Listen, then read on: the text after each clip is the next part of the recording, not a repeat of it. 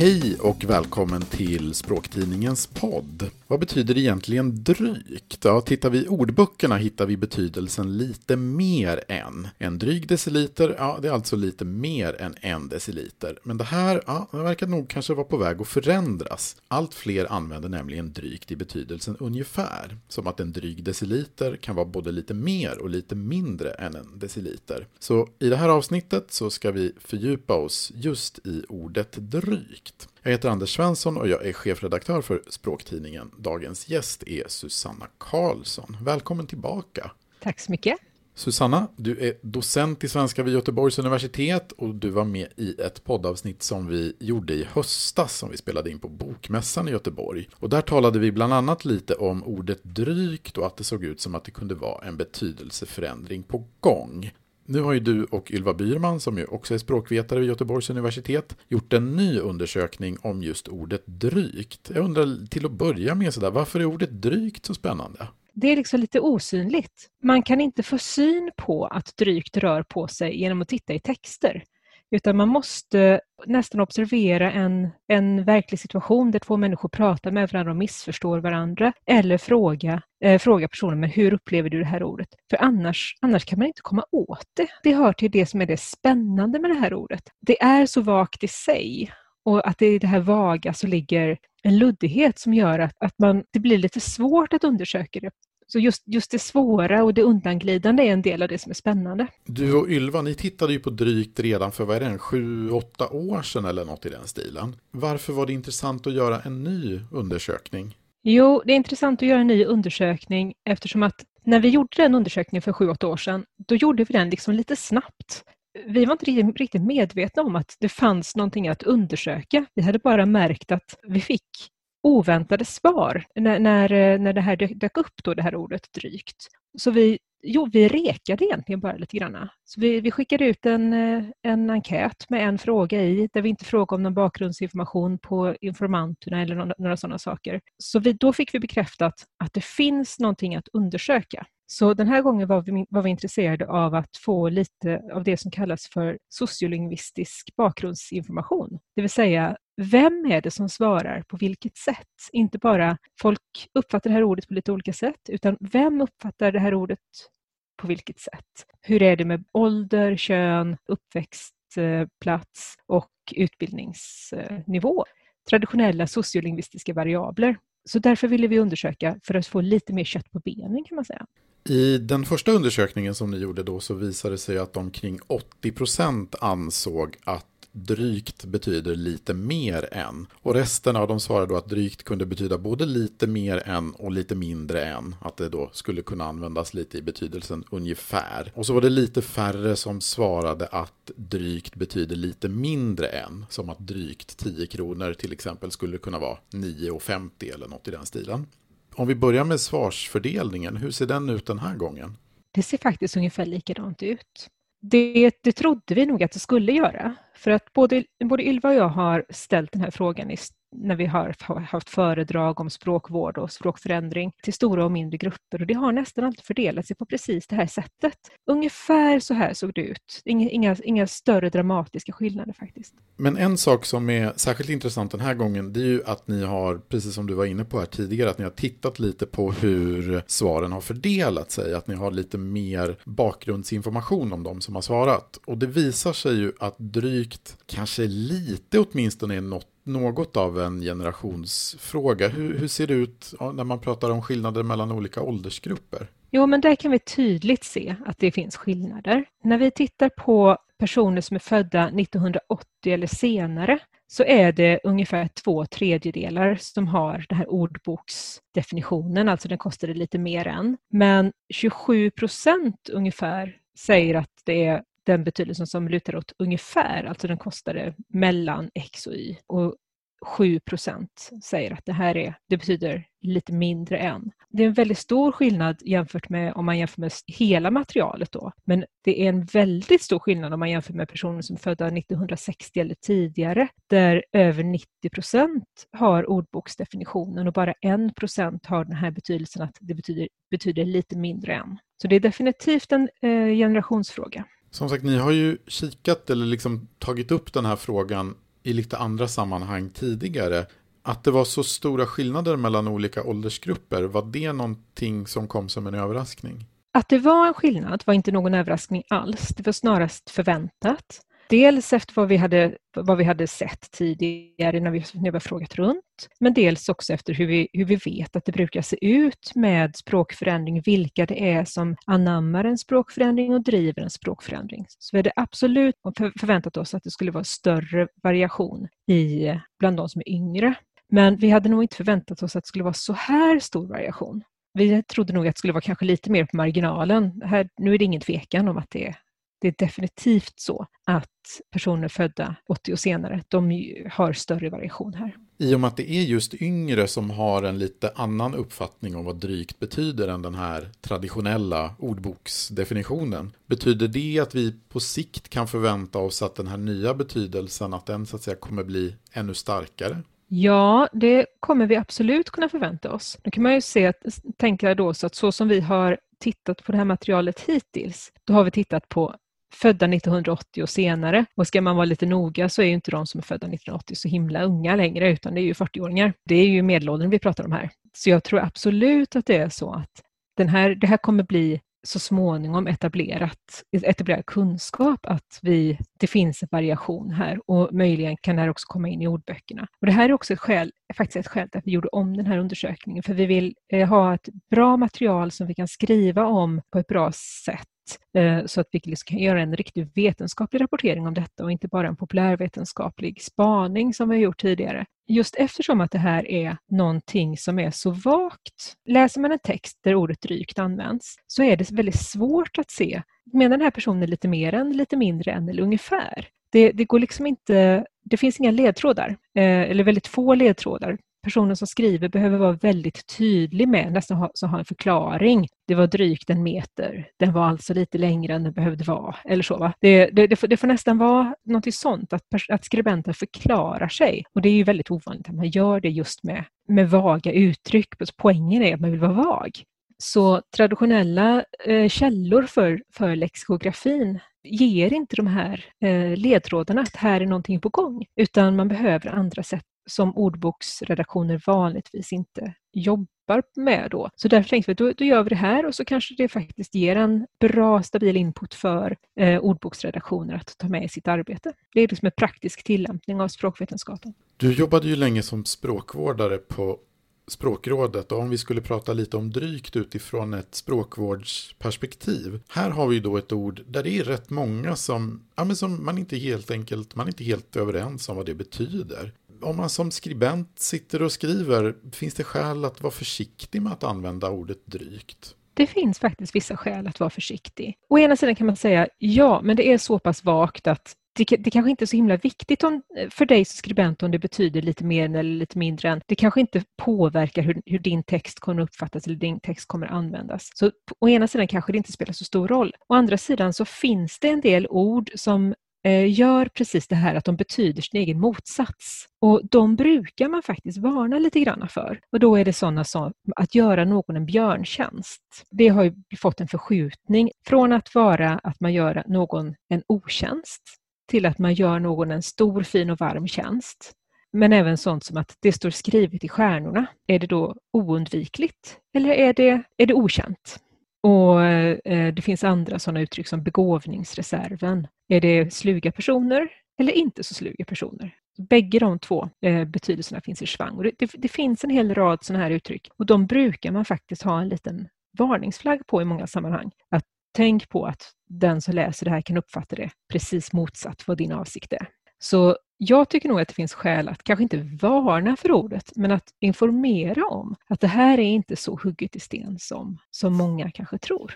Jag har själv skrivit en del om drygt. Jag har tagit upp det i, i några språkkrönikor i, i Dagens Nyheter. Och jag tycker att reaktionerna har varit väldigt intressanta. Det har varit vissa som har reagerat med enorm förvåning just över att, ja, men att det finns lite olika syn på vad drygt betyder. Har du också mött den här förvåningen och jag vill nästan säga bestörtningen? Har du också känt av den? Ja, absolut. Det kan man säga att i, bland, bland de här kommentarerna som, man, som vi fick i enkäten, där fanns det ganska många som, som skrev Va? Går det att uppfatta det här på ett, mer än ett sätt? Och sen vilket sätt, det var det avslöjade ju deras svar då, som att det, det, var det enda sättet de kunde uppfatta det här ordet på. Eh, när jag har pratat om det här på Bokmässan och i andra sammanhang så, så är det här ett typiskt ett sånt där folk verkar vara förvånade. Det här, är inte, det här är inte någonting som de flesta har tänkt på tidigare. Om de inte har hamnat i knipan på grund av det här ordet eller i något liksom råkat ut för situationer där det har avslöjats att det här, här är det någonting som händer. Och det kunde vi också se i de här, i de här kommentarerna då just med sånt som att folk skrev eh, saker i stil med att Eh, jag är uppvuxen med att det betyder, och så det, någon, av, någon av betydelserna. Men sedermera har jag fått lära mig att det, det betyder i själva verket. Och någon an, av de andra betydelserna, då kan man säga att det inte alls är säkert att de här personerna hade lärt sig ordboksbetydelsen i vuxen ålder, utan de kunde mycket väl ha lärt sig att det betydde en av de nyare betydelserna. Så ja, stor förvåning, men personer som har råkat ut för situationer där det så att säga har avslöjats att det finns mer än en betydelse i svang, de verkar komma ihåg detta som en erfarenhet. Eller man säga. Vi var ju inne lite på tidigare att, att det ofta är yngre som har den här lite då, om vi ska kalla nya uppfattningen om vad drygt betyder. Men jag upptäckte själv att det är inte bara unga som, som anser att drygt kan betyda ungefär. Att för ett tag sedan på den här, det känns ju obegripligt långt bort, men på den här tiden när man fortfarande gick till jobbet och inte jobbade hemifrån på grund av coronapandemin och så här, så kom den här frågan upp under en lunch. Och det var en kollega, en, en man uppvuxen i Västsverige i 60-årsåldern som, som eh, jobbar som journalist på en, en tidning i samma förlag, jobbat som det i många, många årtiden och så att säga haft um, språket som arbetsredskap får man väl säga. Och han blev väl närmast chockad chockad får man säga. Han trodde först att jag skojade och så vidare och så vidare. För han hade ju då alltid använt drygt i betydelsen ungefär. Som att en dryg deciliter då skulle kunna vara både ja, 0,9 och 1,1 deciliter. Kunde vara liksom vilket som. Efter lunchen så, så, det här minns jag väl för att han såg så, fört, ja inte förtvivlade kanske lite starkt, men förbryllad ut i alla fall. Så att han gick och kollade i ordböckerna och sen så kom han ju sen och kände sig väldigt snopen och nästan lite lurad. För då hade han ju så att säga, efter då drygt 60 år så att säga, ute i verkligheten insett att det där ordet, det har de flesta en helt annan uppfattning om vad, vad det betyder. Så att han hade ju då i hela sitt liv använt drygt på det här, om vi då ska kalla det för lite avvikande sättet. Men hur kan det vara möjligt att det går så att säga drygt 60 år i det här fallet innan man uppmärksammas på att vi inte riktigt är överens här? Hur funkar det egentligen? Det har ju att göra med vagheten. Att man, när man använder det så avser man att vara ospecifik. Annars hade man sagt 1,1 om det var viktigt att vara specifik. Men om man säger drygt, det är det, ja, men det, det viktiga är att det inte är exakt. Och det här är ju inte det enda ordet som har råkat ut för det här runt till exempel. Om någonting kostar runt 100 kronor så backar man i språkhistorien så betyder det lite mer än 100 kronor. Alltså som i en rund summa är ju en, en rejäl summa. Det, det, är inte billigt om det kostar en rund summa. På samma sätt om man sa runt 100 kronor så betyder det lite mer än. Men idag betyder det ungefär. Så det här är inte, det här är inte några konstigheter egentligen. Det verkar finnas en sån rörelse. Någonting betyder ospecifikt lite mer än och kommer att betyda ospecifikt ungefär.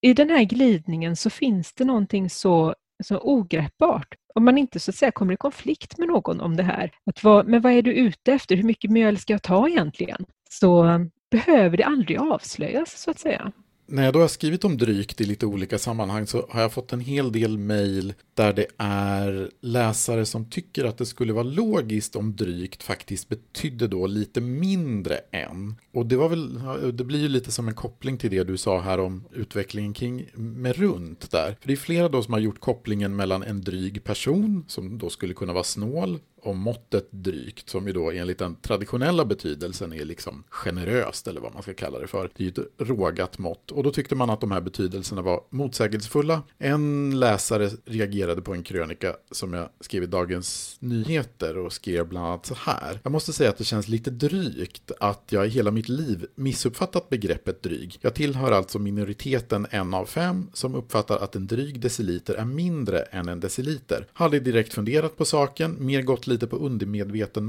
magkänsla antagligen. Kanske för att jag mer har tänkt mig begreppet som ett adjektiv, en personegenskap och inte ett faktiskt volymmått. Jag menar, vem hade kunnat ana att en person som uppfattas som dryg, vilket jag då läser in som lite ogin, snål, negativ, ska uppfattas som generös, översvallande, positiv. Den här typen av resonemang, är det någonting du också har stött på? Ja, absolut. Det är någonting som både jag och Ylva har tänkt på när vi har diskuterat men hur, hur går det här till med drygt egentligen i den här betydelseförskjutningen? Där kan man säga att det finns ju en betydelse som är att någonting som räcker längre. Så om man har en, eh, en dryg soppa, då är det en soppa som ja, den kanske var avsedd för tre men det räcker till fem.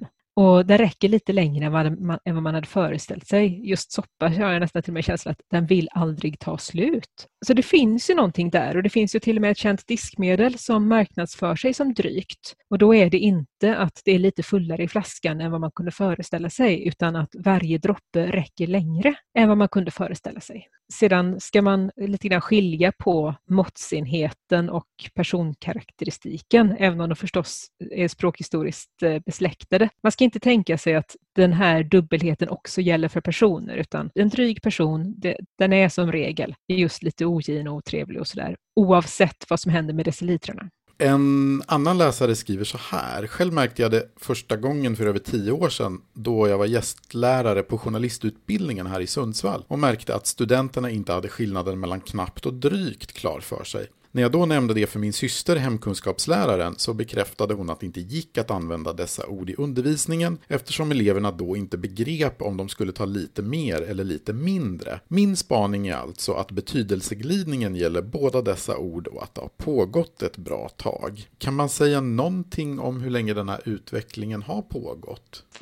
Lite svårt att göra det. Kan ju bara fråga idag levande personer. Och vi har inte riktigt kommit så långt att vi har brutit ner materialet i fler, fler segment än det här efter 1980 och före 1960. Men vi kommer titta på även födda före 1940 och då kommer vi få lite bättre känsla för om det verkar liksom ha etablerats även i, i den ålderskategorin. Men en sak som, vi, som man kan säga det är ju att bland de här personerna som är födda 1960 eller tidigare så är det ju ändå 7% som väljer alternativ som inte är ordbok, ordboksalternativet. Och det tyder ju på att den här variationen har pågått ganska länge. Om man, vi antar att de har etablerat sina betydelser i barndomen, som, som är då ägde rum, låt oss säga 1955 och tidigare eller så. Det börjar bli ett tag sedan nu. Och någon gång under, under 1900-talet skulle jag gissa att det här har liksom påbörjats. Och ett skäl till att vi, man kan tro det också är att den här betydelsevariationen finns inte beskriven i Svenska Akademins ordbok om man slår upp drygt. Så då kan man ha det som en tentativ bakre gräns då, så kan man säga att ja, 1900-talet skulle, skulle vi gissa. Men slår man upp drygt i en historisk ordbok som Svenska Akademiens ordbok, då kan man också se att här finns ganska många olika betydelsebeskrivningar. Så det här är ett litet ord som har haft ganska så många olika äventyr för sig genom åren och betytt lite olika saker och en del är användbara idag, en del är inte användbara och en del kan vi idag, idag säga att vi känner till men att de inte finns beskrivna i de äldre ordböckerna. Då. Så det här är ett ord som det händer en hel del med, både nu och då. Eh, från, från min sida så jag har ju så att säga bara anekdotiska bevis att, att bidra med här. Men, men av de mejl jag har fått så finns det ju definitivt ja, men åtminstone en hel del personer som är födda tidigare än 1960 som säger sig så att säga ja, vara uppväxta med den här, om vi nu ska kalla det för alternativa betydelsen. Så. Det verkar ju som att den har förekommit åtminstone sen, sen eh, 1900-talets mitt, åtminstone så. En annan läsare skriver så här, min flickvän jobbade i charkdisken på ICA i Karlskrona 1993. Då kom det fram en kund och ville ha drygt ett hekto skinka. Han blev väldigt upprörd när han fick just drygt ett hekto. Enligt honom betyder drygt lite mindre. Och det här var som sagt 1993, så förvirringen kring betydelsen av ordet har tydligen funnits länge. Men om vi, om vi tittar lite mer på resultaten, har du hunnit se, som sagt vi har pratat lite om åldersskillnader. Kan man se några tydliga trender när det gäller till exempel kön eller bostadsort eller någonting annat? Ja, men det kan man faktiskt. Vi har tittat på kön och där kan man säga att eh, det, kön är inte en variabel som spelar roll i det här materialet. Eh, män och kvinnor tycker samma och väldigt få har angivit en annan könstillhörighet än så, så de är svåra att räkna med här. Men alla verkar tycka samma. Det spelar ingen, inte så stor roll. Det här man annars kunnat förvänta sig, alltså språksociologiskt så brukar man säga att de som driver språkförändring, det är unga kvinnor. De plockar upp språkförändring och de driver den vidare. Eh, men det kan vi inte se i det här materialet. Kön verkar inte spela roll. Utbildning spelar på sätt och vis roll. Där kan man säga att vi har oproportionerligt många forskarutbildade i det här materialet och det beror ju på vilka som har plockat upp och spridit det här materialet. Men om man, om man tittar på dem, om man tittar på eh, de som har slutfört gymnasium som högsta färdig utbildning, då kan man se en, en sak som är precis samma mellan de här två grupperna och det är att 5% anser att om någonting kostar drygt 100 kronor så kostar den 97 kronor. Att det, det är det sannaste av de här alternativen vi hade med. Och sen kan man också konstatera att de som har, de som har forskarutbildning, de som högsta färdiga examen, där är det 87 procent ungefär som, har, som anser att, som, som håller sig till ordboksdefinitionen och så 8 procent som anser att det här betyder ungefär. Eh, och om man jämför med de som har gymnasiet som sin högsta färdiga utbildning så är det 70 procent som håller sig till ordboksdefinitionen och ungefär 25 procent som håller sig till det betyder ungefär.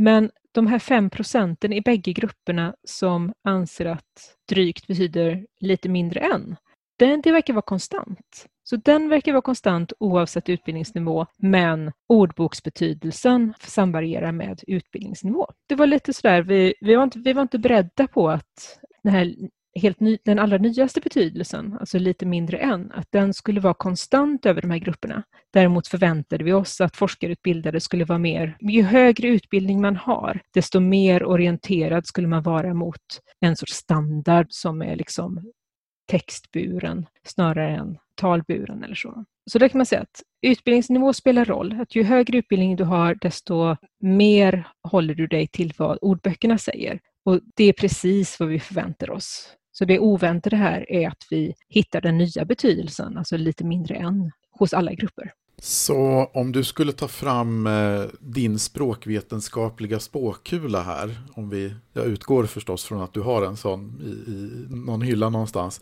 Tror du att den här alternativa betydelsen, om vi nu ska kalla den så, av drygt, är den så frekvent så att vi kommer se den i ordböckerna inom de närmaste åren?